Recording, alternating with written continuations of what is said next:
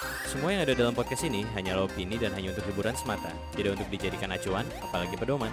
Pendengar diharapkan bijak dalam mencerna konten podcast ini. Berkonsultasilah kepada para profesional bila membutuhkan bantuan serius. Semoga terhibur dan selamat mendengarkan.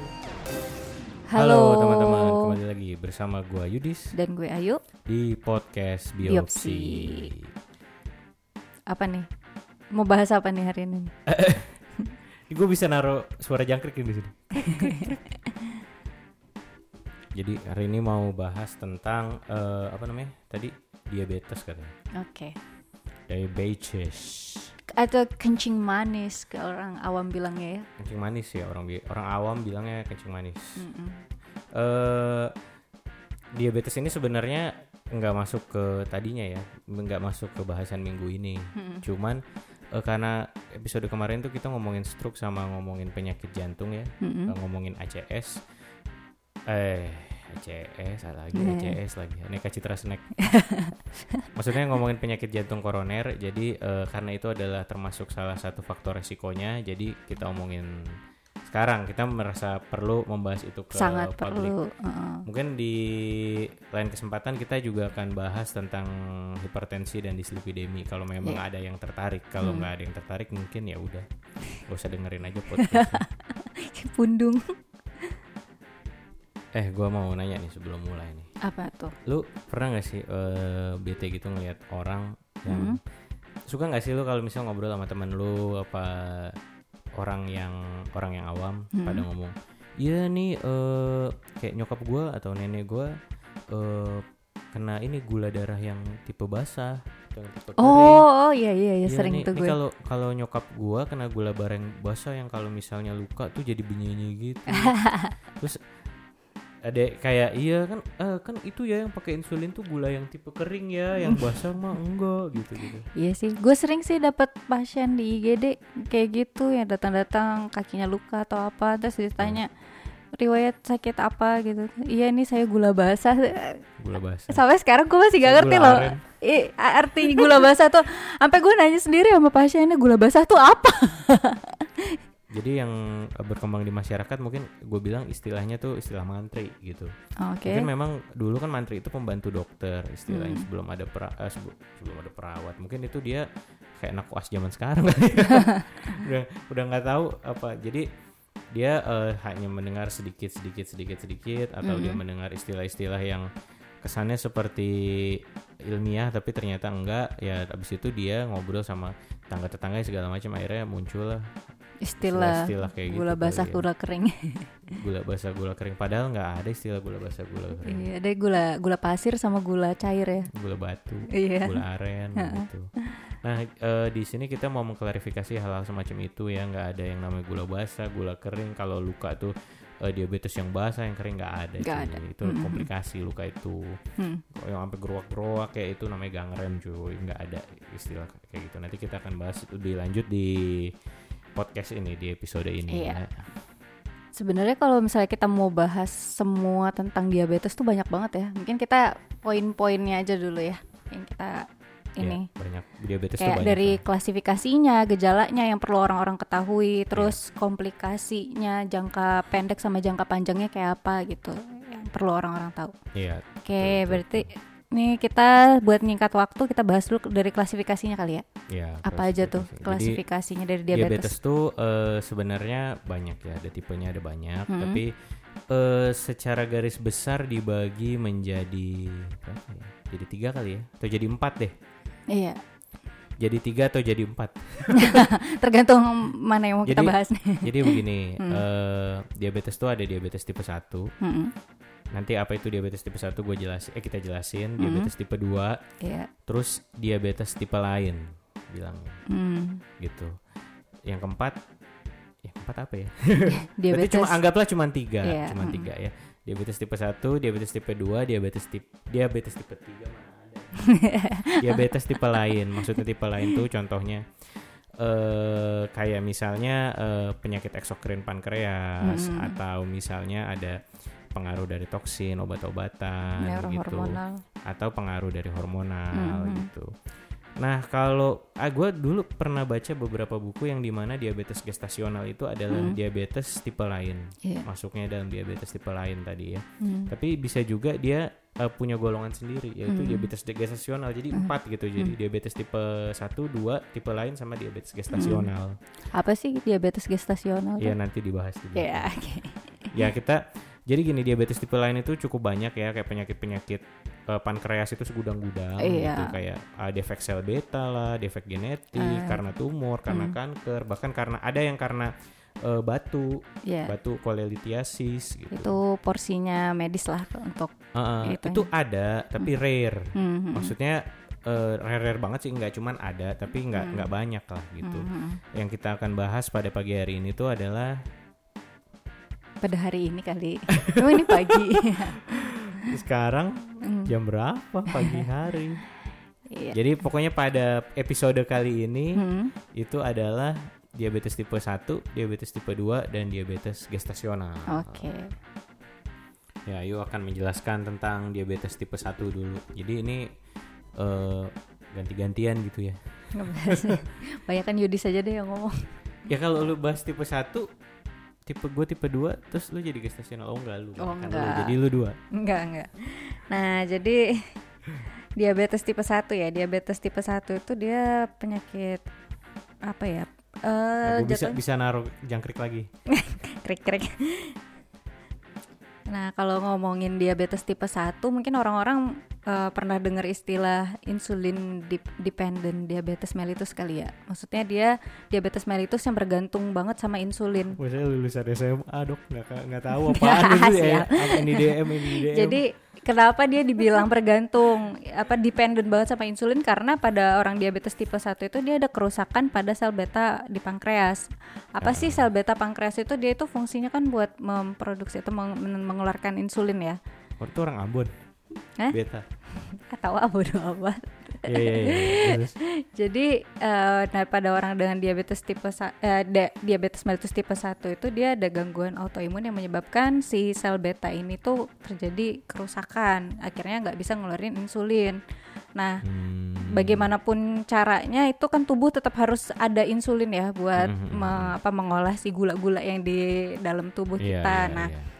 Eh, karena dia nggak bisa memproduksi sendiri, jadi dia harus butuh insulin dari luar.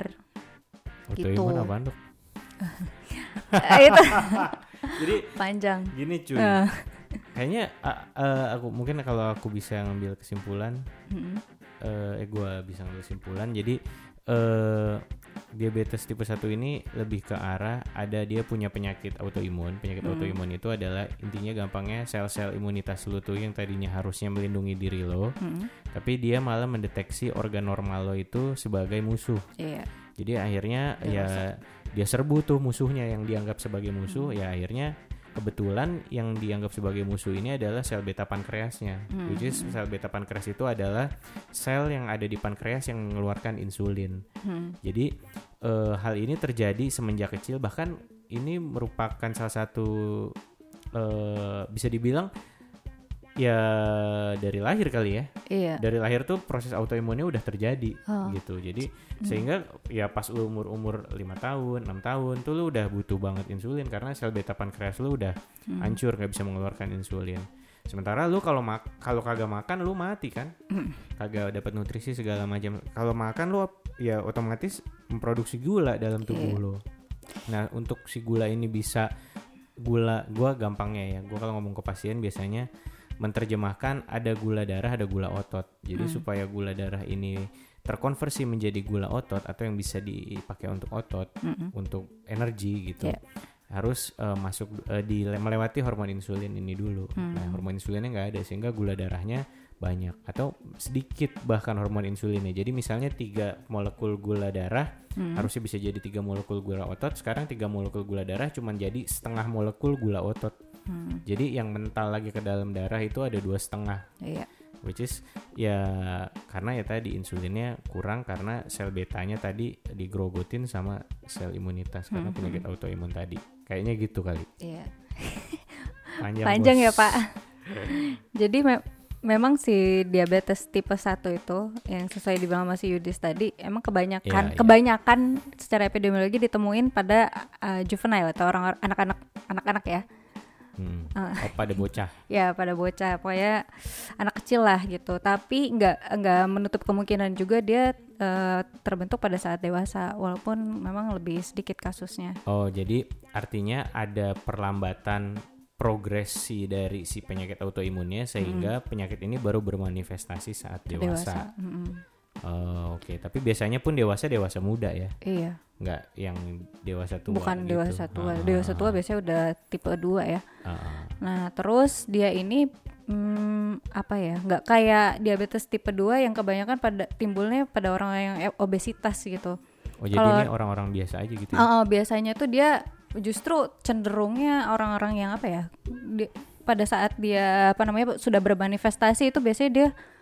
penampakannya udah kurus. Terus Oh. initially-nya biasanya dia datangnya itu karena dia nggak terdeteksi nih. Iya, iya. Uh, biasanya datang-datang tuh udah udah dalam kondisi ketoasidosis diabetikum gitu. Dalam Oh, kondisi jadi- udah lumayan berat dan baru ketahuan ternyata dia punya diabetes tipe 1 Oke, jadi sedikit gue translate, ketoasidosis diabetikum itu adalah penumpukan benda keton di dalam darah dan peningkatan eh peningkatan penurunan pH darah menjadi asam karena benda keton tersebut yang diproduksi gara-gara eh, si insulin tadi nggak bisa keluar ke dalam darah dan akhirnya terjadi penumpukan gula darah yang berlebihan di dalam tubuh.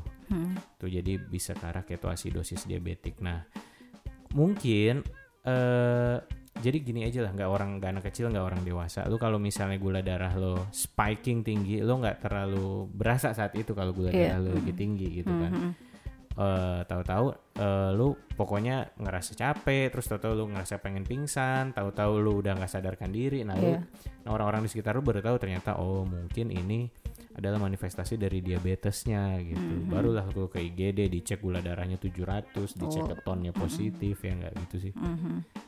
Nah, terus eh, gejalanya kayak apa sih orang-orang dengan diabetes mellitus tipe 1 itu dia sebenarnya sama kayak diabetes mellitus tipe 2 yang apa eh, ada poliuri, polifagi, polidipsi, terus ada penurunan berat badan gitu. Maksudnya dari poliuri apa sih gitu? Poliuri itu dia sering pipis, frekuensi pipisnya lebih sering. Hmm, poli itu banyak Mm-mm. uri itu ya maksudnya urin maksudnya ngeluarin urinnya sering sering sering pipis frekuensi pipisnya banyak bukan ngeluarin urinnya banyak ya Oh iya, frekuensi pipisnya sering frekuensi. Ah, terus ada yang namanya polidipsi. Polidipsi itu dia haus terus menyalala orangnya. ah, menyalala. winky winky Si dipsi itu dia haus. oh, apa sih gue? iya jadi polidipsi itu sering haus Iya, gitu sering ya. haus, jadi minum terus minum kayak terus. dahaga terus gitu ya siap siap lalu, Terus ada namanya polifagi. Polifagi itu dia lapar terus. Jadi bawaannya mau makan terus. Oh, dia. karena fagi itu eh, bahasa bahasa cinereknya dari makan. gitu. Fagi. Heeh, jadi polifagi banyak makan. Heeh. Jadi dia eh, sama ada penurunan berat badan yang tadi gue udah bilang sebelumnya. Jadi, jadi dia banyak makan, tapi berat badannya turun ya. Iya. Sedih habis. Gitu. Oke oke oke oke. Jadi ada poliuri, polidipsi, polifagi, Sama sama penurunan berat, berat badan. D- Despite dari dia makannya normal atau banyak, tapi berat badannya justru turun ya. Mhm. Oke. Tapi gue masih penasaran deh. Sebenarnya kenapa sih orang itu bisa kena diabetes tipe 1? Jadi ini diabetes tipe 1 lu apa gue yang jelasin? Enggak enggak. Gantian, gantian. Gantian gantian. Jadi eh begini, secara etiologi ya predisposisinya ini sebenarnya adalah penyakit kongenital. Hmm. Penyakit kongenital itu adalah penyakit yang bawaan. Hmm. Nah, setiap penyakit bawaan itu belum tentu ada predisposisi genetik dari parent eh, parentnya gitu. Hmm, hmm. Maksudnya eh, apakah ini dibawa oleh oleh orang tua? Ya bisa jadi tapi bisa enggak. Hmm. Bahkan ada penelitian yang bilang bahwa predisposisi genetiknya paling sekitar 5%. Oke. Dibilang gede sih enggak. Eh, cuman ada ya ada Hmm. gitu, tapi enggak besar.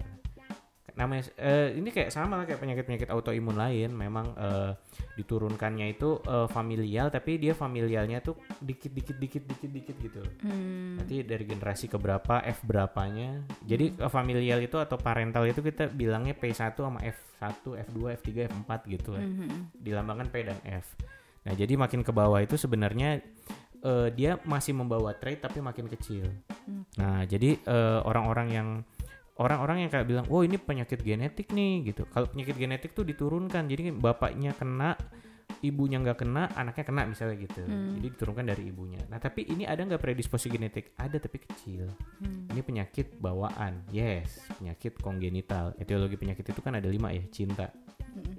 cinta, kongenital, Iya. infeksi, Neoplasma, neoplasma, trauma, trauma, autoimun. Jadi penyakit ini termasuk yang kelima tadi. Ya, jadi gue bilangnya penyakit autoimun tuh penyakit orang gak hoki.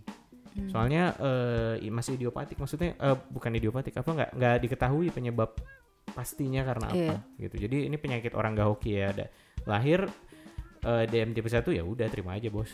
Iya. Mau gimana lagi Mhm. gitu. Oke, berarti kita lanjut ke berikutnya. Tadi kan udah tahu tuh penyebabnya dari Iya, mana. iya. Nah, sekarang kita cara mendiagnosisnya kayak gimana tuh diabetes mellitus tipe 1. Iya boleh boleh. Sebenarnya sama aja sih ya, kayak DM tipe 2 gitu, diabetes mellitus Iya, tipe oh. 2. Itu kita periksa gula darah yang jelas. Iya lah ya. Gula pakai darah cuma itu bisa kita periksa sewaktu, maksudnya terserah dia habis mau makan atau habis puasa atau kayak gimana. Maksudnya Hmm. kapan pun dia makan bisa kita langsung cek gula darahnya sewaktu.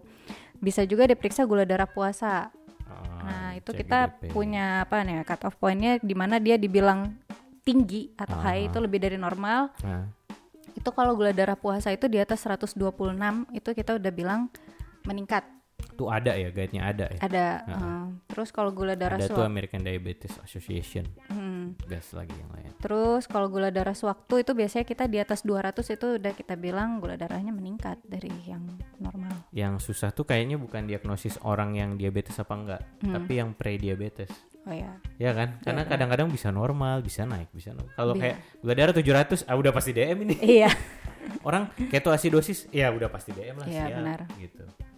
Ada ini enggak pemeriksaan HbA1c? Ya, bisa itu kita periksa Ya, HbA1c. Jadi HbA1c itu adalah hemoglobin terglikasi. Jadi makin banyak komponen gula yang ada di dalam badan lo tuh hemoglobin lo nanti akan mengikat gula. Hmm. Ya, jadi t- gampangnya gitu, gampang hemoglobin yang terglikasi. Hmm. Semakin banyak hemoglobin yang terglikasi atau HbA1c tadi itu Hmm. menandakan bahwa sebenarnya lo udah lama terkena Diabetes. eh, gula lu tuh di gula lu tinggi terus gitu. Iya, mm. Makanya itu biasanya orang ngeceknya ya standar gula darah sewaktu gula darah puasa Hmm.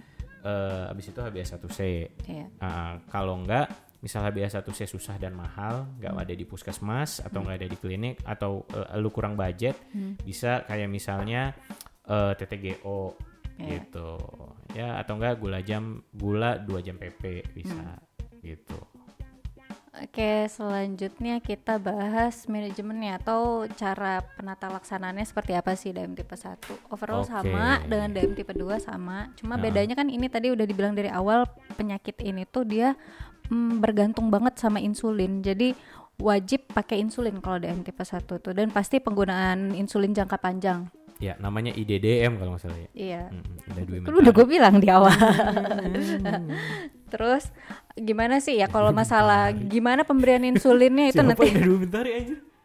Pemberian insulin itu nanti akan dijelasin lagi sama dokternya kebutuhannya berapa unit sehari bisa kombinasi tuh suntiknya bisa Oh jadi kalau tipe 1 nggak bisa pakai obat ya? Cuman maksudnya nggak Oral. bisa pakai obat oral ya? enggak sih Jadi dia harus pakai insulin karena Ah. dia defisiensi insulinnya absolut gitu Iya. ya. gitu jadi eh, apa namanya Oh, berarti selain nanti yang tipe 2 eh, defisiensi insulinnya nggak absolut dong? Iya. iya Kan ada ide dia mau main ide dia. Ya, Iya, ya, iya. gas lagi. Oke, terus selain pemberian medikamentosa kayak si insulin tadi, eh, butuh juga manajemen yang lain kayak eh, kebutuhan nutrisi per harinya gimana sih gitu. Jangan sampai tata laksana gizi nih. Iya, jangan sampai kebablasan. Makanya dia Ah. harus apa ya? Harus Gulanya multidisiplin. dikontrol. Jadi eh, kalau bisa Oh, ketemu multidisiplin. dietitian atau Iya, iya, iya. nutrisionis Iya, iya. juga supaya bisa diatur juga dietnya per hari seperti apa gitu. Apa yang boleh dimakan, apa yang enggak. Kalaupun yang enggak, mau makan itu harus berapa eh, bisa Terus berapa, banyak, gitu. ya. Eh, Kalori-kalorinya, Hmm, wah konten gulanya segala macam lah. Hmm, Untuk menghindari komplikasi juga ya. iya, Nah, sama benar. memperpanjang umur sih yang jelas Betul. oke penanganannya udah eh, jelas diabetes tipe 1. Diabetes tipe 2 agak berbeda sih penanganannya nanti. Nah, Hmm. eh, untuk komplikasi Komplikasinya nanti kita bahas aja lah ya bareng sama Oh iya, diabetes bisa, tipe 2 bisa. Karena Soalnya, eh, overall hampir sama ya. overall sama hampir Sama-sama. sama. Nah, sama-sama diabetes eh, eh, kurang lebih nggak beda jauh gitu Iya, ya. Nah, benar. ya udah berarti Lanjut kita ke DM tipe 2. oke DM tipe 2 berarti gue yang bahas ya. Iya. Oke.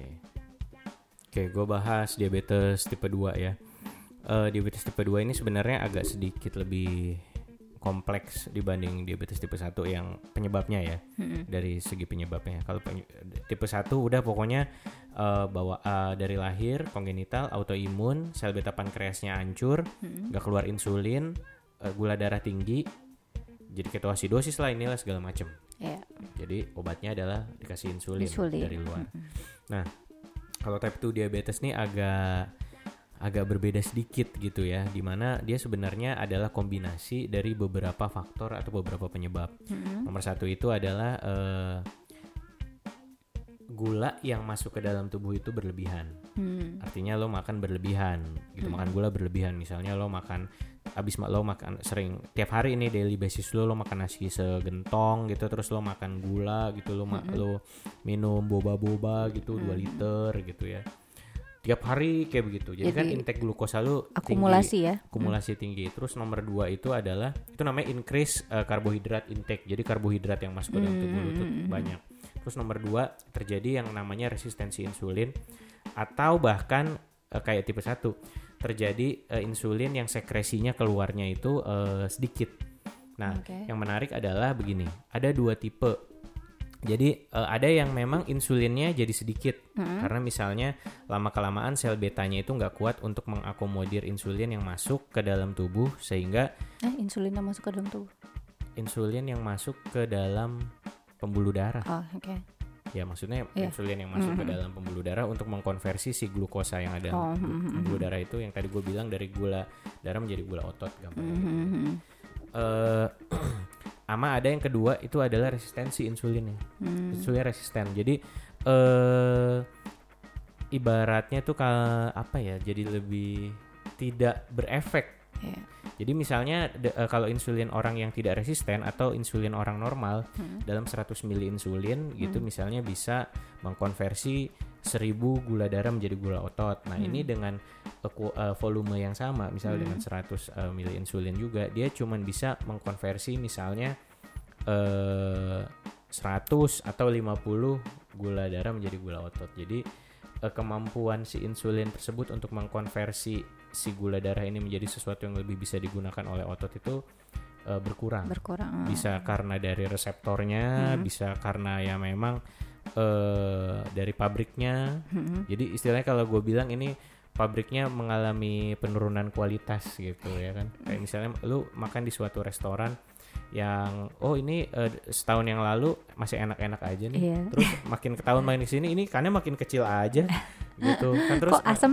iya kok terus eh, ini jadi nggak enak gitu terus atau kok harganya jadi mahal terus porsi jadi kecil ah gitu penurunan kualitas lah bisa Iya. dibilang begitu ya analogi aja sih itu Mm-mm. Nah, itu kalau dari segi insulinnya mungkin nggak terjadi destruksi sel beta pankreasnya ya bisa aja nggak ada nggak ada nggak Nggak menutup kemungkinan nggak menutup ya. kemungkinan seperti itu Mhm.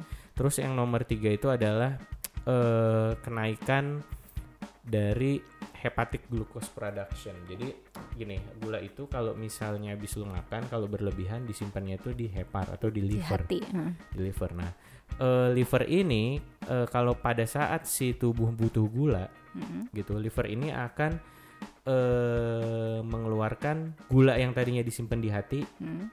keluar semua ke pembuluh darah Hmm. gitu. Jadi eh, sebenarnya sih ada yang namanya glukosa, glikogen, glukagon gitu-gitu. kan. Ya. Nah, tapi eh, gampangnya gue ini adalah gula, gue bilang aja gula darah, gula otot dan gula hati ya. Iya. Dari yang gula hati tadi eh, akan dikeluarkan ke dalam eh, darah, Hmm. namanya glukagon sih sebenarnya. Hmm. Nah, eh, itu eh, faktor nomor tiga. Terus nomor empat itu adalah eh eh, jadi gulanya itu eh, masuk ke ototnya berkurang Hmm. gitu ya. Yang keempat itu. Jadi eh, gampangnya eh, gulanya tuh pada di pembuluh darah semua. Hmm. Jadi viskositas darahnya jadi eh, tebal lah, jadi kental, jadi segala macam. eh tapi gulanya banyak di dalam darah. Tapi nggak bisa diutilisasi oleh si otot.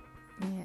gitu. Jadi ototnya selalu merasa kurang energi. Kurang mm-mm. kurang energi kurang energi kurang energi. Aper terus makan lagi. Nah ini gue bahas juga ya. Hmm. Eh, kenapa awalnya itu terjadi pada orang yang obesitas atau orang-orang gendut gitu ya. Mhm. yang bikin lo gendut itu bukan lemak coy tapi gula gue kasih tahu jadi kalau Hmm. lo pengen kurus lo batasin makan gula bukan batasin makan lemak lemak Hmm. Tapi bahkan lemak juga nggak bagus banyak banyak Iya. itu menumpuk burden aterosklerosis plak yang ada di Iya. dalam jadi Hmm.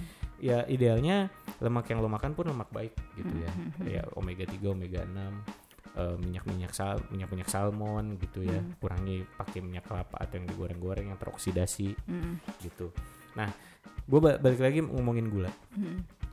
Eh kalau lu kayak gue bilang tadi makin banyak lu makan gula tuh lu makin gendut. Jadi kalau lu ngeliat orang gendut Mm-mm. itu pasti dia makan gula banyak. Mm. gitu. Jadi jangan salah cuy. Orang makan gula itu justru dia menumpuk lemak di subkutan. Subkutan tuh di bawah kulit.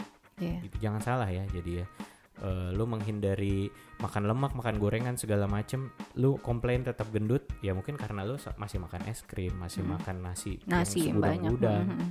nah nasi ini juga termasuk yang menurut gue berbahaya salah Hmm. satu bahan pangan utama di Indonesia itu atau bahkan di Asia adalah nasi nasi jadi masalahnya adalah eh, intake nasi atau intake karbohidrat orang Indonesia tuh gila-gila Mm-mm. ya kan lu kalau lihat orang-orang di warteg makan kayak apa gila nasinya nasinya seeber-eber lauknya seupil-upil La- lauknya kayak bahkan ada yang bilang orang bahkan kalau lu mau kenyang lu banyakin makan nasinya dulu terus Hmm. kayak ikannya cuman kecil segala macam Hmm. gila banget menurut gua nggak bagus gimana nggak orang bagus kagak obesitas bos Mm-mm. sama kayak orang luar juga kan gitu kan Hmm. mereka makan french fries makan kentang makan eh, hamburger which is roti wah Hmm. gile itu kan terus minumnya soda cola Oh, oke. wah gila itu ya gimana orang nggak obesitas triple kill gimana orang nggak obesitas cuy? Eh, Nah, nah, kenapa diabetes tipe 2 itu akhirnya semakin trennya semakin ke sini tuh semakin jadi eh kayak orang lebih muda kena? Ya Hmm. karena itu tadi lifestyle. lifestyle Udah Mm. sekarang itu eh, apa-apa serba digital, jadi lo jarang em, melakukan pekerjaan yang melibatkan fisik yang ya lumayan gede. aktivitas fisik berkurang Aktivitas fisiknya berkurang itu, jadi artinya eh, energi yang dikeluarkan tubuh lu itu berkurang dong. Basal Hmm. metabolic ru, basal metabolic rate lu akan berkurang jauh. Otomatis Hmm. kan kalau lu mau lean, lu mau kurus, Mm. pokoknya basal metabolic rate lu harus melebihi daripada kalori harian lu. Mm. Eh, sorry terbalik. Eh ya bener dong. Jadi kalori harian lu itu di bawah basal metabolic rate Mm. gitu sedikit sedikit di bawah metabol basal metabolic rate nah kalau lu eh, kerjaannya tiap hari di depan komputer gitu nggak pernah jalan nggak pernah keluar segala macam terus lu order misalnya dari ojek ojek online gitu lu Mhm. order fast food fast food ya gimana lu nggak gendut lu jangan komplain lah kalau gitu Iya. kalau lu misalnya kena diabetes umur umur 40 gitu 45 ya jangan komplain Mm. gitu. Nah, oke, eh jadi apa aja sih ininya? Eh apa sih? apa ya Apa? Gue mau ngomong apa barusan? Manif- Anjir, manifestasi gua blank. bukan Ya, manifestasinya sama pasti Sama. ya. Poliuri, polidipsi, polifagi. Mm, Ya. sama penurunan berat badan Kalau sudah terjadi wasting syndrome. ya kalau Eh, jadi pertama pasti orang obesitas dulu Mm. gitu. Nah, nih gue jelasin kenapa terjadi poliuri, polifagi, polidipsi sama penurunan berat badan. Mm. Satu, kenapa sih dia terjadi polifagi? Mm. Nah, eh polifagi itu kan makan mulu ya, Iya. makan mulu. Jadi dia merasa lapar mulu. Nah, lapar itu distimulasi oleh hormon yang namanya leptin di dalam tubuh. Mm. Nah, hormon leptin ini eh, sebenarnya baru akan keluar kalau misalnya si otot itu kurang energi.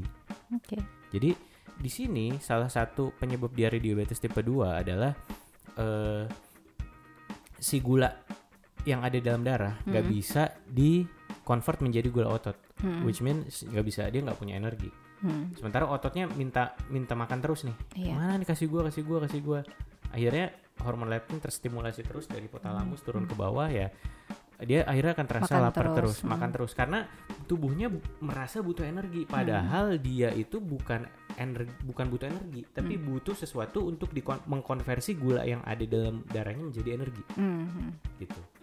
Jadi dia ya which is butuh insulin berarti kan logikanya Iya. gitu. Nah, nah itu insulin eh, di situ Hmm. perannya. Tapi bukan berarti nggak ada obat untuk menaikkan eh si supaya insulinnya itu lebih bagus gitu kualitasnya Hmm, hmm, hmm. gitu istilahnya kayak lu eh dapat barang reject dapat barang KW dapat barang jelek tapi ada satu hal yang bisa lo lakuin dari luar misalnya lu renovasi lagi supaya barang tersebut jadi bagus Hmm. itulah perannya nanti obat-obat anti diabetik gitu Hmm. ada yang untuk meningkatkan resis eh, untuk meningkat menurunkan resistensi insulinnya Iya. gitu jadi eh, memperbaikilah gitu Hmm. Atau ada juga yang untuk mengurangi gula darahnya Hmm. membuang sebagian besar da- gula darahnya itu ada yang via urin via ginjal ya Hmm. Atau, Ada juga untuk meningkatkan produksi insulin. ada juga untuk meningkatkan produksi insulin Hmm. gitu ada yang ya tadi buang buang gula darahnya ada juga yang eh, lewat usus 12 jari banyak lah ada yang, eh, pokoknya kayak gitu eh itu obat anti diabetik itu nanti biarkanlah dokter yang menentukan Hmm. gitu lu boleh tahu Iya, lu boleh ngerti obatnya Mm-mm. maksudnya seperti apa yang tadi kita udah jelasin di depan yang barusan kita omongin. Lu ngerti insulin itu fungsinya buat apa sekarang tapi tetap lo harus ke dokter untuk bisa tahu insulin mana yang cocok buat lo insulin itu ada dua. Insulin basal sama yang non basal apa non basal pokoknya ada yang basal yang lu pakai satu kali sehari ada yang tiga kali sehari. Ya itu nanti biarkan dokter lu yang menentukan Hmm. gitu.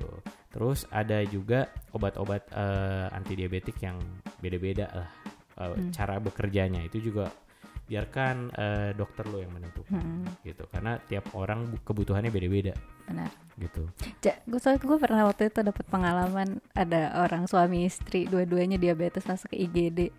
Oh Terus iya, kalau emang. misalnya Sedih ditanya nih, ditanya nih eh apa namanya? oh iya ganti minum obat ya. Nah, itu dia. Minum obatnya apa? Gitu. Ini gitu. Siapa yang ngasih? Oh, ini ngambil dari obat suami saya. Loh, Kok kayak gitu, Bu? Iya, nggak iya. berobat. Iya, soalnya suami saya dapatnya itu dari dokter. Jadi dia ikutan makan. Ternyata oh bukan dari BPJS Eh, bakso. eh anjir berbahaya nih Iya, lanjut lanjut Jadi gitu. Jadi apa namanya sharing obat kalau ngerasa. Jadi dan itu pun mereka compliance-nya jelek banget kayak kalau bapaknya badan yang gak enak baru minum obat, ibunya badan yang gak enak baru minum obat. Oh Jadi juga obat yang harusnya habis dalam satu bulan mungkin bisa lebih panjang atau lebih pendek karena dipakai berdua dan tergantung mereka kapan badan yang gak enak baru diminum. oh itu juga tuh masalah Iya. masalah besar tuh kayak penyakit jantung kemarin Hmm. eh adalah compliance Hmm. bisa sembuh nggak penyakit ini nggak bisa yang ya jelas hanya meningkatkan kualitas hidup lo Hmm. Enggak, eh, Mencegah komplikasi. mencegah komplikasi bener. Hmm. bisa nggak cangkok pankreas? Bisa nggak stem cell? Jadi eh, sel beta pankreas lu bagus lagi. Ya itu masih dalam penelitian. Iya, makanya. Karena kayak secara secara gak iya nggak sih? Secara logika bukannya itu adalah terapi yang paling bagus kan ya? Iya, ya sama aja kayak orang sakit jantung pembukaan jantung ya ganti, ganti aja jantungnya. Jantung. Ngomongnya Emangnya sih gampang. ya Kayak itu gitu. jadi kayak gitu Pengobatan yang jangka panjang yang kayak gini tuh yang bikin orang-orang males jadi minum obat kalau badan yang gak enak. Gue nggak ngerti kalau badan gak enak tuh kayak gimana pemasuk angin orangnya bilang. ya jadi padahal penyakit penyakit kayak gini butuh maintenance yang benar-benar Iya. teratur minum Hmm. obatnya nggak boleh stop Kalaupun gitu ya. udah minum pun kadang-kadang masih harus tetap ini, tetap harus dikontrol tiap ti- kadang Oh iya. sebulan atau tiga bulan sekali lah. Iya, kon- eh, kontrol benar-benar Iya. kayak dulu cek HbA1c lagi cek gula Hmm. darah segala Iya, itu udah terapinya udah tepat ini sasaran belum sasaran gitu. apa belum ya dan sekarang pun enak juga maksudnya lu kayak karena selama ada BPJS lu bisa berobat ke puskesmas gitu Iya. segala gratis Mhm. orang nggak punya BPJS aja berobat ke puskesmas cuma berapa sih goceng paling ya Iya. cek cek gula cek cek darah lah sekali sekali benar. saya enggak apalagi kalau udah tua ya medical check up lah ya Mhm. ya terus eh tadi baru polifagi nah sekarang eh, poliuri sama polidipsi jadi gini guys eh penjelasan gue eh sebenarnya nggak nggak detail ya gue kasih Nggak ya, tahu. hmm. penjelasan gue dari awal tadi tuh nggak ada yang detail termasuk karena kalau detail banget ini mah lu lu kuliah kedokteran aja cuy lu kuliah kedokteran lu rasain sendiri deh tuh kuliah tuh ya sampai sampai bejibun-jibun bukunya sampai tebel-tebel nah jadi di sini gue bisa dibilang mengoversimplifikasi supaya orang lebih gampang lah nangkepnya ya. Mhm. Eh, itu yang perlu eh, lu harus tanamkan dulu takutnya Hmm. nanti ada orang yang komentar enggak saya baca buku ini begini begini begini gue udah men- men-state bahwa ini adalah mengoversimplifikasi menganalogikan dengan mudah supaya Hmm. yang dengerin itu enggak keblinger, bosen. Hmm. Ya aja sih Ayu udah bosen. Karena gue kalau ngomong panjang banget. Emang. Udah lanjut apaan? Ya, loh, oh bukan lo yang mau nerangin. Oh Enggak. ya lo siap. ya jadi poli ure polidipsi dulu. Polidipsi dulu deh kalau Hmm. gitu. Polidipsi itu banyak minum. Hmm. Jadi gini, eh Eh? logis Ya. ya polidipsi banyak Hmm, minum. iya, sorry. Benar. Eh, jadi gini, cuy. eh kalau lu pernah nyeduh susu kental manis, Ya. Iya. pernah Hmm. nyeduh susu kental Hmm, manis? hmm. Nah, rasanya tuh makin manis kalau airnya dikit apa airnya banyak? Dikit. Ya. Hmm. Jadi viskositasnya makin tebal ya, Hmm. makin kental gitu ya. Hmm. Gula itu eh, bisa dibilang viskositasnya itu cukup berat gitu ya. Hmm. Maksudnya molekulnya itu mungkin kalau dihitung dengan pakai satuan Dalton dia apa besar gitu molekulnya Hmm. gitu. Lu mungkin pernah lah kalau misalnya belajar eh, tentang terapi cairan lah yuk ya. Hmm. Yang ada di mana cairan koloid yang Daltonnya eh, eh, secara ukuran lebih gede, Hmm. berapa Dalton gitu gue juga udah lupa. Ada yang cairan fisiologis kayak NaCl yang ukurannya lebih cair lebih biasa gitu. Nah, semakin gini, semakin viskositasnya tinggi, badan lu tuh pinter di mana dia akan merasa bahwa oh ini tuh gue merasa badan gue kurang air nih. Hmm. Akhirnya dia minum terus supaya apa? Supaya viskositas dalam darahnya itu supaya lebih bagus jadi lebih terhidrasi Hmm. gitu. That's why kalau orang Waduh, gue pengen ngomong masalah terapi ketoasidosis nih. Ngomongin kayak atau Hmm, nanti nanti enggak enggak maksudnya enggak usah lah terapi mah kan itu urusan Enggak karena kan itu terapinya diinfus kayak air. ya betul Iya dong, Iya. loading air, Nggak, ini loading kan singkatnya kita butuh kenapa dia kenapa dia sampai haus terus gitu Ya, oke. Jadi eh jadi body state, state di body lu di badan lu orang diabetes itu eh, selalu berasa seperti orang kurang cairan terus Hmm. gitu. Jadi karena viskositas darahnya termasuk yang eh, tebal atau yang kurang bagus. Akhirnya kalau lu minum akhirnya kalau tuh tadi susu kental manis lo tambahin air, dia akan menjadi lebih nggak giung rasanya. Hmm. Lebih nggak terlalu manis. Jadi lebih lebih apa Lebih ya? pas Lebih lebih pas gitu. That's why lu akan minum terus gitu. Dan not to mention juga eh, sebenarnya ya eh, gula darah perifer lu kalau lu dengan banyak tadi banyak minum itu pa- eh, pasti akan nurun kan karena kadar viskositas darahnya logikanya dia jadi lebih encer gitu lah dalam tanda kutip ya lebih cair gitu jadi Hmm. wajar kayak gitu nah kenapa terus ada poliuri banyak pipis? Ya Iya. lu banyak minum air ya banyak pipis pastilah. Hmm. gitu. Jadi tapi gini kadang-kadang ada orang ya namanya orang awam suka mengandaikan kayak ada kayak dulu gua jujur aja. Eh, bokap nyokap gue bukan bukan dokter. Jadi dulu gue sering minum air gue sering pipis. Oh jangan-jangan diabetes. Suka kayak gitu memang. Nah orang awam tuh eh, suka kadang-kadang ada yang kayak gitu jangan-jangan kamu diabetes jangan-jangan kamu gini. Coba lihat pipisnya di, disemutin apa enggak? What? pipisnya udah masuk lubang WC bos. Gitu. Ya namanya lu banyak minum pasti banyak pipis juga ya. Banyak Hmm. minum itu tadi untuk merehidrasi untuk memenuhi kebutuhan si viskositas darahnya tadi supaya nggak terlalu tebal gitu viskositasnya. Jadi lu tidak se- secara garis besar kayak badan lu itu mengalami dehidrasi gitu. Orang kayak dehidrasi kan seperti itu viskositas darahnya semakin tebal. Hmm. nah terus kenapa bisa terjadi penurunan berat badan? Ayo. Ayo. Kok? Karena? Ya jadi ada ada yang namanya wasting syndrome. Wasting syndrome ini sebenarnya banyak eh banyak apa ya banyak penyebabnya nggak cuma Hmm. diabetes doang. Tapi lo makin kecil makin kecil makin kecil makin kurus kering gitu. Hmm. Nah kenapa sih? Kan tadi kita udah bahas tuh di depan ya, di mana otot itu butuh energi, otot itu butuh gula, butuh gula otot yang tadi gue bilang Hmm. untuk bisa teraktivasi, terutama otot lurik ya otot lurik itu artinya otot yang ada di tangan lo nih daging-daging di tangan lo nih di, di kaki di dada segala macam Hmm. untuk bisa teraktivasi itu dia butuh energi butuh makan Hmm. makannya dalam bentuk gula gula otot yang memang udah tinggal di dicerna oleh otot gitulah gampangnya ya Iya. eh hal itu tidak terpenuhi karena insulinnya nggak bisa mengkonversi gula darah menjadi gula otot Hmm. Salah satunya eh kira-kira apa nih yuk? Kalau misalnya se- sebuah sel nggak bisa eh, mendapatkan energi dari eh, siklus yang biasa dia dapetin. siklus Krebs gl- glikolisis gitu terus habis itu dia nggak bisa mendapatkan. Ini nggak usah dipikirin ya siklus Krebs gl- glikolisisnya. Gue cuman ingin ayu doang nanya doang. Apa yuk? Si Ayu diem aja. Gue dari tadi monolog tuh maksudnya gue biar kan oh, ini giliran lo sebenarnya ngejelasin. Enggak enggak jadi kalau misalnya tadi dia udah mentok tuh ya udah sampai apa sih tadi Iya, iya, Ya. jadi misalnya tadi udah ini jangan dipikirin ya guys. Mhm. Ada si- ada siklus Krebs, ada Hmm, glikolisis segala macam sampai akhirnya eh tadi kan eh, glukagon lah gitu. Eh, ya glukagon bener masuk eh, gula yang ada di dalam hati, Hmm. Hati, udah mm. dikeluarin terus tetap nih Masih si otot. Hmm. nggak bisa masih kurang nih ya Mhm. untuk mengutilisasi energi dia ke mana Hmm. siklusnya? jadi dia nanti eh, ngebakar si lemak gitu Iya betul. Jadi ada sik ada su- dia akan switching ke siklus asam lemak. Hmm. dia ber- berusaha merubah si lemak itu jadi gula ya Jadi energi. jadi energi lah sorry Ya, jadi energi. That's Hmm. why eh jadi ada ada eh, komponen untuk membuat energi yang mengutilisasi gula, ada yang mengutilisasi asam lemak Mhm. gitu. Nanti terakhir ada juga yang mengutilisasi protein. Gitu, dari otot. Nah, Hmm. jadi eh, benar kata Ayu tadi dia em, eh, switching ke siklus asam lemak di mana lemak-lemak di dalam tubuh lo itu akan dibakar. Oh, berarti it's a good thing? Enggak juga. Hmm. enggak juga Enggak juga, enggak guting juga bos.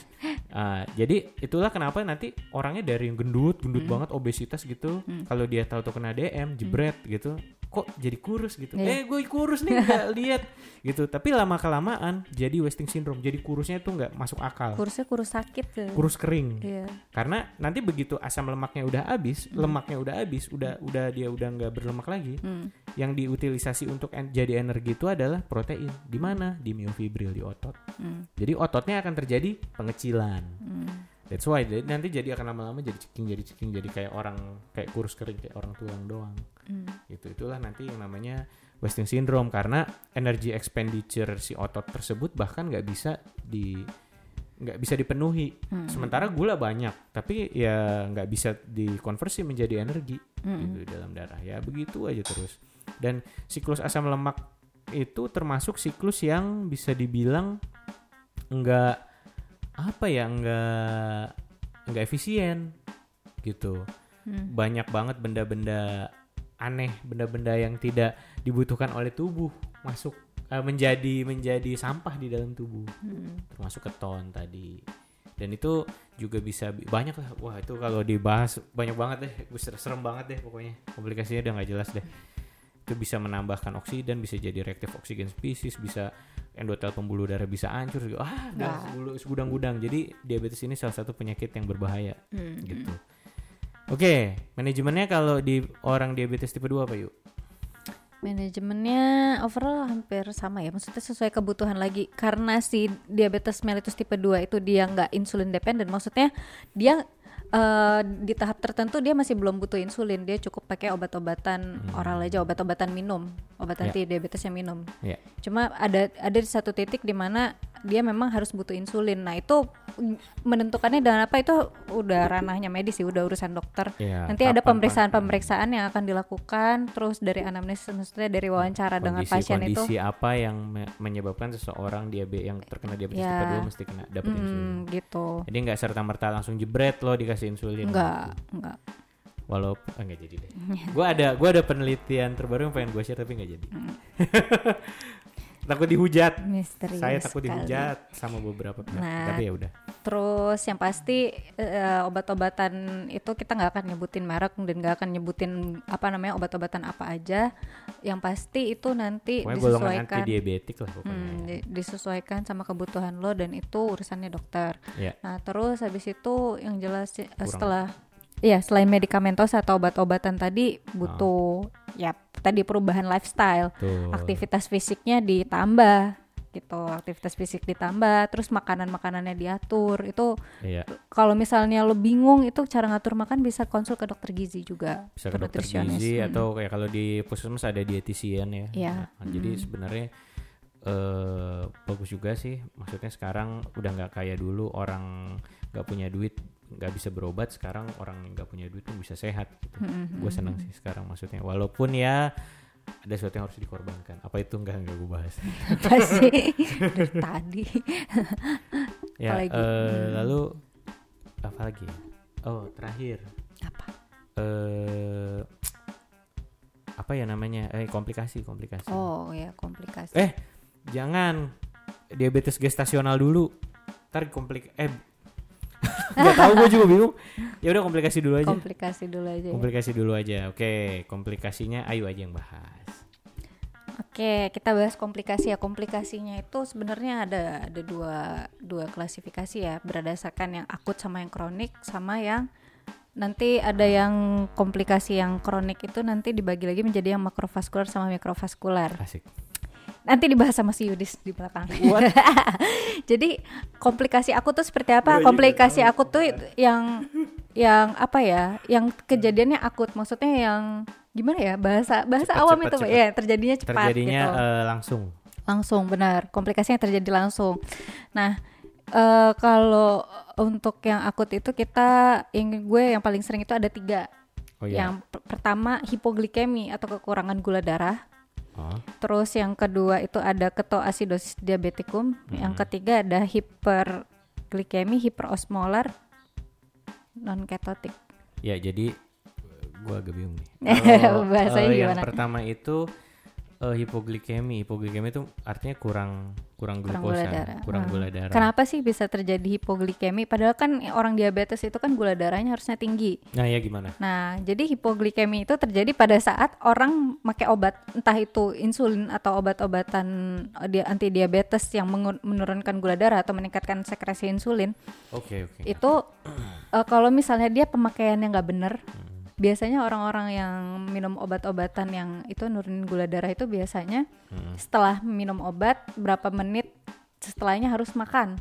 ya Kebanyakan pasien gue kadang yang datang di IGD itu setelah minum obat nggak makan. Oh. Akhirnya datang-datang ke IGD udah nggak sadar hiper- karena udah kekurangan kurang gula darah. darah yang rendah banget gitu. Ya, jadi eh, eh, ini terjadi ka- kalau misalnya lo udah minum obat Iya. atau ini sering nih kejadian nih. Hmm. Lo nggak jelas eh, nggak ke dokter, lo pakai alat gula darah ya yang di stick itu. Itu Iya. sebenarnya nggak apa-apa pakai itu. Cuman yang jadi masalah adalah em, minum obatnya. Hmm. Kan, oh gila gula darah gue 500 gue harus beli obat. Lu ke apotik ya di Indonesia lah ya. Apotik obat bisa ditebus nggak pakai resep anjir. Mhm. lu beli main beli beli aja nggak tahu dosis berapa nggak tahu apa lu minum lu nggak tahu cara pakainya gimana jebret atau lu hipoglikemi. Iya. ujung-ujungnya lu kayak GD juga salah minum Uh, obat kayak GD sering banget gue dapet pasien DM ah datang-datang panik keluarganya kenapa udah Iya. nggak sadar? Sampai gue di titik ada yang satu ada beberapa pasien yang udah reguler datang ke kita karena oh ke- hipo- hipoglikemi. Jadi- hipoglikemi- kalau dia udah regular hipoglikemi itu problemnya dua. Kalau misalnya dia sering kontrol ya berarti masalah tuh berarti dokternya. Kalau misalnya dia nggak pernah kontrol ya itu. Kenapa nggak pernah Asal, kontrol? Iya.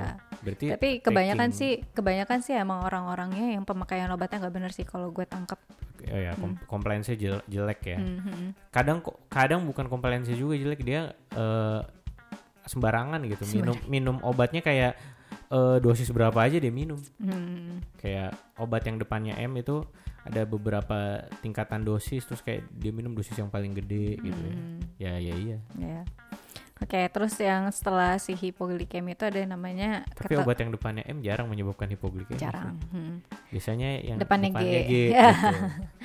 Nah, jadi ada eh, berikutnya ada ketoasidosis diabetikum sama hiperglikemik hiperosmolar state. Itu Waduh, eh, hampir sama, bos, hampir sama bos? keduanya itu. Yang membedakan apa? Yang membedakan apa pada saat eh, dia dengan ketoasidosis diabetikum? bentar bentar gua terminologinya dulu ya Hmm. Eh, apa tadi ketoasidosis metabolik Iya. keto tuh Eh, karena ketoasidosis diabetik. Eh diabetik, ya sorry. Keto acidosis diabetik. Hmm. Dia eh, obviously keto ya asal kata dari benda keton. Hmm. Benda ketonnya itu harus dikeluarkan karena dia bersifat eh, kurang baik dalam tubuh dan dia juga menurunkan ikut menurunkan pH darah. Hmm. Keto acidosis, acidosis itu adalah eh, pH darah menurun j- Ya. jadi lebih asam. Diabetik ya karena itu underlying disease-nya adalah diabetik. Jadi penurunan pH darah dan perbanyakan benda keton di dalam darah Hmm. karena kondisi diabetes yang tidak terkontrol. Hmm, Ya, hmm. jadi gitu ya, Iya, ketoasidosis diabetik. Yang satu lagi Hiperosmolar hiperglikemic state. hiperosmolar hyperglycemic state. Berarti nggak ada ketosis Hmm. gitu ya. Iya. Hiperosmolar hyperglycemic. Jadi osmolaritas eh, darah yang ada di dalam pembuluh darahnya itu bertambah tinggi Hmm. eh namanya hiperglikemik jadi ya darahnya pun eh, gula darahnya pun tinggi tapi dia nggak ada eh, ketosis Hmm.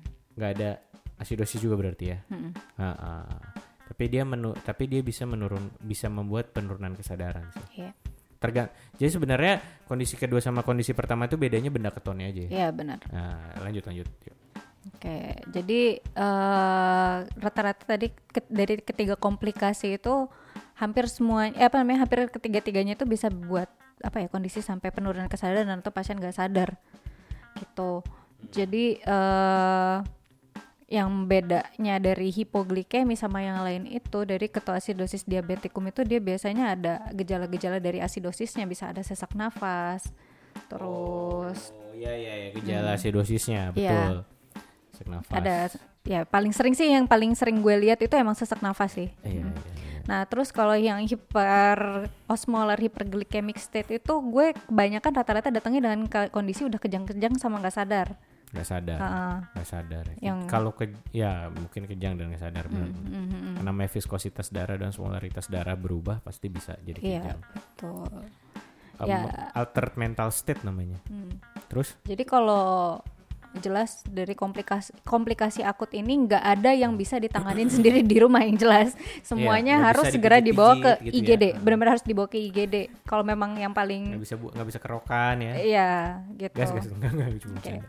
Jadi kalau untuk terapinya seperti apa ya itu udah ranah medis ya. Pokoknya kalau misalnya udah ada riwayat diabetes tiba-tiba nggak sadar, lemes banget. Kadang kadang kondisinya nggak yang sampai sesak nafas segala macam. Kadang yang lemes banget tiba-tiba kok kayak badannya tuh nggak kayak nggak ada tenaga. Itu juga kadang-kadang udah masuk ke dalam kondisi asidosis. Kadang-kadang kayak gitu kondisinya. Dah sih paling itu aja. Ya, yang kalau- komplikasi akut.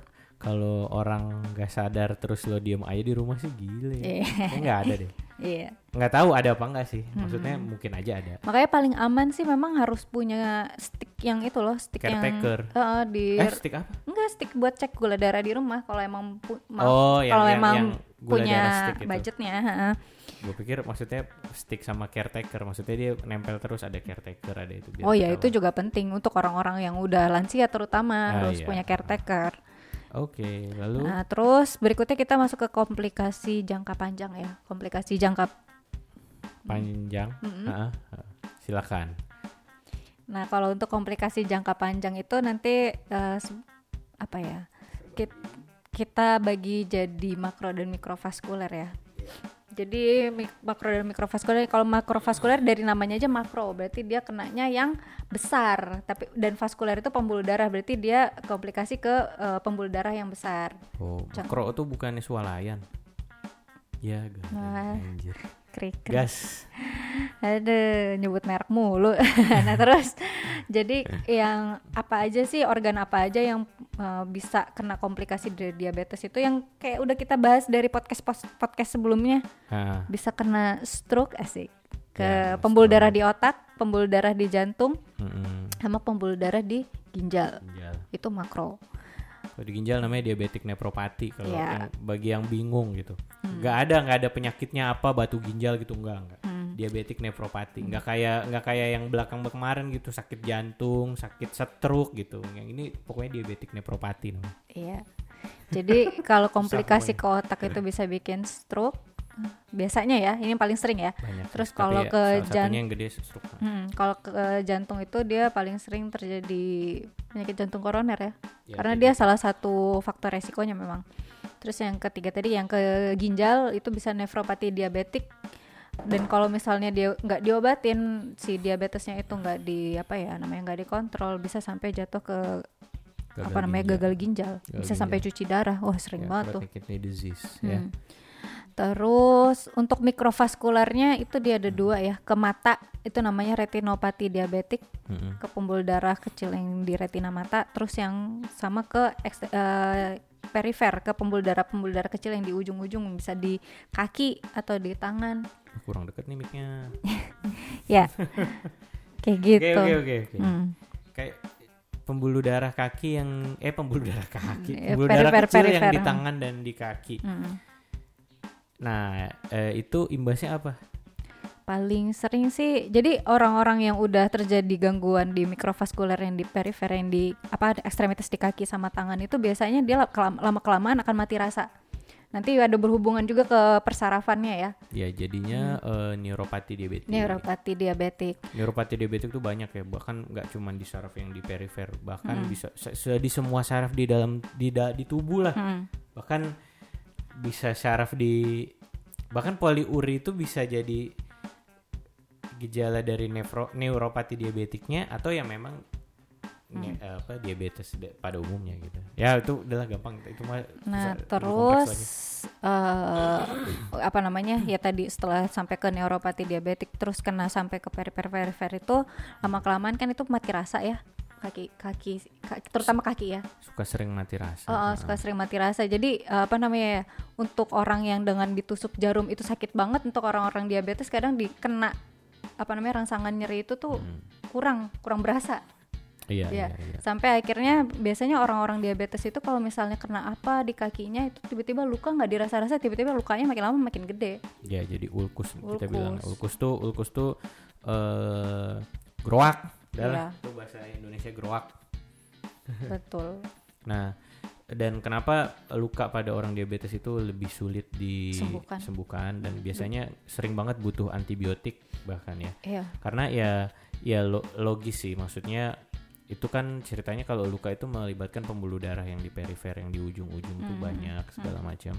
Nah, karena konten glukosanya besar, Mm-mm. jadi eh, perkembangan biota, gue pengen ngomong biota laut, perkembangan mikroorganisme atau kuman-kuman di situ jadi lebih cepat, jauh lebih cepat. Mhm. gitu. Dan kadangkala eh suka ada superbugs di situ. Hmm. karena ya obviously banyak hal sih sebenarnya terjadi. Karena misalnya di situ eh, imunitas eh, lokalnya turun terus abis itu eh, gu- asupan gula banyak banget di dalam di dalam pembuluh darahnya itu sehingga eh, makin memudahkan mikrobiom mikrobiom anjir Hmm. mikroorganisme mikroorganisme yang eh, patogen berkembang akhirnya Hmm. ya begitu aja terus apalagi kalau misalnya orang udah sering ketoasidosis banyak Hmm. benda-benda keton termasuk banyak gas gangren wah banyak jadi makin gede-gede lah tuh makanya ya kalau udah sampai ada kayak begitu. Itu bukan diabetes basah ya bos.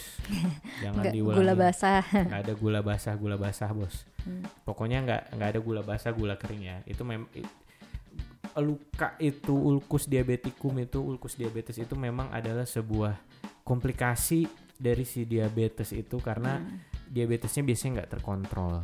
Kalau terkontrol mau ada luka tetap sebenarnya biasanya akan jadi bagus kayak orang Ah. biasa orang diabetes tuh kayak orang biasa aja dia cuman kurang insulin aja Mhm. gitu. Kalau dia eh ah, berobatnya rutin segala macam rutin pasti kayak orang itu orang biasa pada umumnya Hmm. gitu. Dan eh, sering kali kalau ya namanya luka kalau biasa orang awam kurang ngerti cara cara benerin lukanya ya ya makin lama makin gede lah pasti Iya. lukanya Hmm. gitu. Gila nih luka makin gede karena diabetes diabetes lu ya kagak lu nggak mengerti cara ngerawat lukanya pada orang diabetes Hmm. gitu ya butuh antibiotik butuh dicuci butuh diganti perban butuh mungkin ada kondisi di mana lo juga mesti pakai antibiotik minum dan segala macam dan Hmm. segala macam butuh debridemen butuh apa segala Iya. macam lah ya Pokoknya kalau kalau nggak tetap nggak terkontrol bisa lama-lama bisa sampai amputasi ya. ya bisa sampai amputasi Iya. kalau nggak terkontrol Hmm. kalau lu kontrol kagak amputasi bos Hmm. gitu oke udah beres tuh ada lagi nggak yang lain Udah karena belum dibahas nih diabetes gestasional udah 58 menit oke lah eh, kita bahas diabetes gestasional mungkin Singkat aja. kita singkat aja mungkin 10-15 menit deh Hmm. ya oke di diabetes gestasional apa yuk Oke, masuk ke diabetes gestasional ya. Jadi diabetes gesta diabetes mellitus gestasional itu tuh didefinisikan sebagai eh, apa ya namanya? intoleransi gula pada eh, apa namanya? ibu-ibu hamil. Maksudnya tuh dia baru pertama kali onsetnya muncul atau baru pertama kali ditemukan pada saat dia hamil gitu dan Oh. biasanya tuh ketemunya pada saat screening bukan pada bukan jarang ya bergejala biasanya itu pada saat screening dia trimester kedua diperiksa gula darah segala Oh, macam atau ini ya. HbA1c atau urinnya diperiksa ternyata gula darahnya tinggi Ya ternyata ada gitu. glukos eh, glukosuria Mhm, gitu terus mhm. gula darahnya tinggi. Jadi intinya adalah orang yang nggak pernah memiliki riwayat diabetes Mhm, sebelumnya, Mm-mm. orang yang nggak bahkan mungkin nggak pre-diabetes, terus Mhm. tahu-tahu pas lagi hamil jebret gula darahnya kok tingginya minta Tinggi. ampun. Mm-mm, mm-mm. HbA1c-nya pun tingginya minta ampun. Hmm. Ada apa gitu ya? Ya, dan Nah. itu biasanya dia eh, resik beresiko tinggi terjadi GDM itu atau ge- ge- gestational diabetes mellitus itu pada ibu-ibu hamil yang obes Eh, jadi sama yang punya sebelum riwayat diabetes. sebelum hamil obes gitu ya, Hmm. bukan obes pas hamil ya. Iya. Jadi sebelum hamil udah memang obes ya. Hmm. Ini mah balik lagi jadi kayak lu pola makan dong segala Iya, macam. mm-mm. Jadi eh intinya berarti sebelum lu hamil ya pola makan lu harus bener, dietnya harus bener Hmm. dan ya badan lo harus bagus kali gitu ya. Hmm, ya Ya standar lah Ya, gitu standar ya. lah. Nggak, nggak harus bagus juga tapi standar. hmm, Artinya eh lo nggak gemuk, nggak kurus juga, BMI lu normal-normal Hmm. aja gitu Hmm. kali ya. Ah, I see, I see. Jadi itu terjadi pada ibu hamil. Hmm, Tahu hmm. baru ketahuan pas ibu hamil. hmm. eh kalau faktor resikonya secara garis besar apa yuk? Untuk faktor resikonya sendiri ya tadi dia dengan orang-orang yang apa ya orang-orang yang lifestyle-nya jelek ya sebelum ham sebelum hamil itu lifestyle-nya jelek dalam artian em, banyak makan makanan yang gak sehat terus sampai dia terjadi obesitas Iya. itu itu faktor resikonya. Terus yang kedua itu dia pada familiar historinya atau di riwayat keluarganya ada diabetes. Iya, misalnya orang tuanya atau kakek neneknya ada yang riwayat diabetes. Eh, jadi strong etnik et ini berhubungan juga sebenarnya sama etnik. Kalau gue lihat soalnya diabetes itu bukanlah penyakit yang kayak murni apalagi yang tipe 2 ya Hmm. apalagi yang gestasional. Bukanlah murni eh, penyakit yang memang karena lo salah makan karena lo apa itu memba itu membantu mem- mempermudah bukan membantu mempermudah memper- membantu mempercepat lo kena Mempercepat. diabetes Nah, tapi eh, lebih tepatnya diabetes tuh nggak selalu penyakit yang kayak gitu. Maksudnya dia tuh eh, memang ada genetic predisposition yang lu- lumayan gede. Bukan diabetes tipe 1 ya, gue sekali Hmm. lagi kasih tahu ya. Bahkan ada penelitian nggak sih? Udah nggak usah penelitian, bahkan udah digaung-gaungkan di sebuah iklan gula di TV.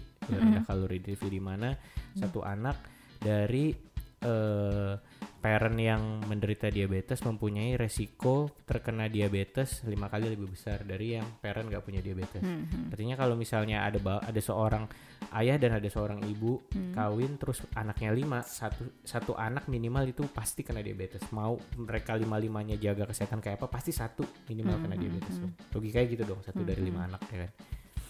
So eh, mirip-mirip dengan diabetes gestasional ini. Jadi kalau misalnya lu udah punya predisposisi genetik diabetes dari keluarga, apalagi ya lu jaga makan lah, jangan makan lu jangan jelek-jelek. Atau lu Iya. termasuk dari etnik-etnik yang memang eh, mudah terkena diabetes ya jangan makan ya lu jagalah jaga kesehatan lu Ya. gitu. Terus kalau untuk tadi faktor risiko udah eh, diabetes gestasional sendiri udah Hmm. Eh, dampak pada janin ya banyak lah ya. Dampak termasuk pada- makrosomia kali. Iya, hmm, Oh, benar. iya. Makrosomia dah jelasin dah. Makrosomi itu apa ya? Bayinya tuh gede. Ini kalau istilah ininya ya singkatnya itu mm, bayinya bayinya gede. Ah. Biasanya itu gue waktu itu pernah pada saat masih ko koas Ah. itu gue pernah dapat Oh bukan udah PPDS bu? Bukan udah spesial, udah konsul dulu konsulen dulu sekarang pada saat masih koas Oh, itu iya, gue iya. pernah dapat ibu beda ya. Siap. ibu hamil dengan GDM itu bayinya makrosomi berat badannya sampai 6, something kilo. Oh iya gede banget ya? Itu 6 gede banget. kilo tuh anjir. Gimana cara ngeluarinnya lewat bawah itu masih sebuah misteri Oh jadi di sesar. di sesar. Ah, seksio sesarean itu namanya. jadi ya itu kalau orang-orang Jadi dengan keluarnya lewat atas, dimuntahin dulu gitu, kayak piccolo. dibelek ih geli banget sih gue enggak lah di enggak lah di itu di sesar dibuka Eh, soalnya untuk or, apa namanya ya, bayi di atas 4 kilo tuh beresiko besar untuk dilahirin lewat bawah karena bisa terjadi distosia bahu distosia bahu itu pada saat kita persalinan normal persalinan normal lewat bawah ya eh, per vaginam itu nanti eh, karena bayinya besar jadi bahu itu kan eh, bagian paling lebar ya dari Lebar. dari eh, bayi benar, gitu. benar. Jadi pada saat dikeluarin ba- bahunya nyangkut. Wah, itu kalau udah kayak gitu serem. Mau gimana kepala udah keluar bahu nyangkut, mau dikeluarinnya gimana itu bahaya. Bahaya buat bayinya bisa. Oh, gila itu sesar cito bos Iya. SC itu Gimana? Kalaupun disasar itu bayi eh, kepalanya udah oh iya keluar. udah keluar ya anjir oh iya bener juga susah Ah. banget itu susah banget Anjir, alhamdulillah anjir sih gua- gue nggak pernah sampai gue nggak pernah sampai dapat pasien distosia bahu bayi wah itu mah udah ngeri banget udah Sedih, dua nyawa anjir, urusannya gimana?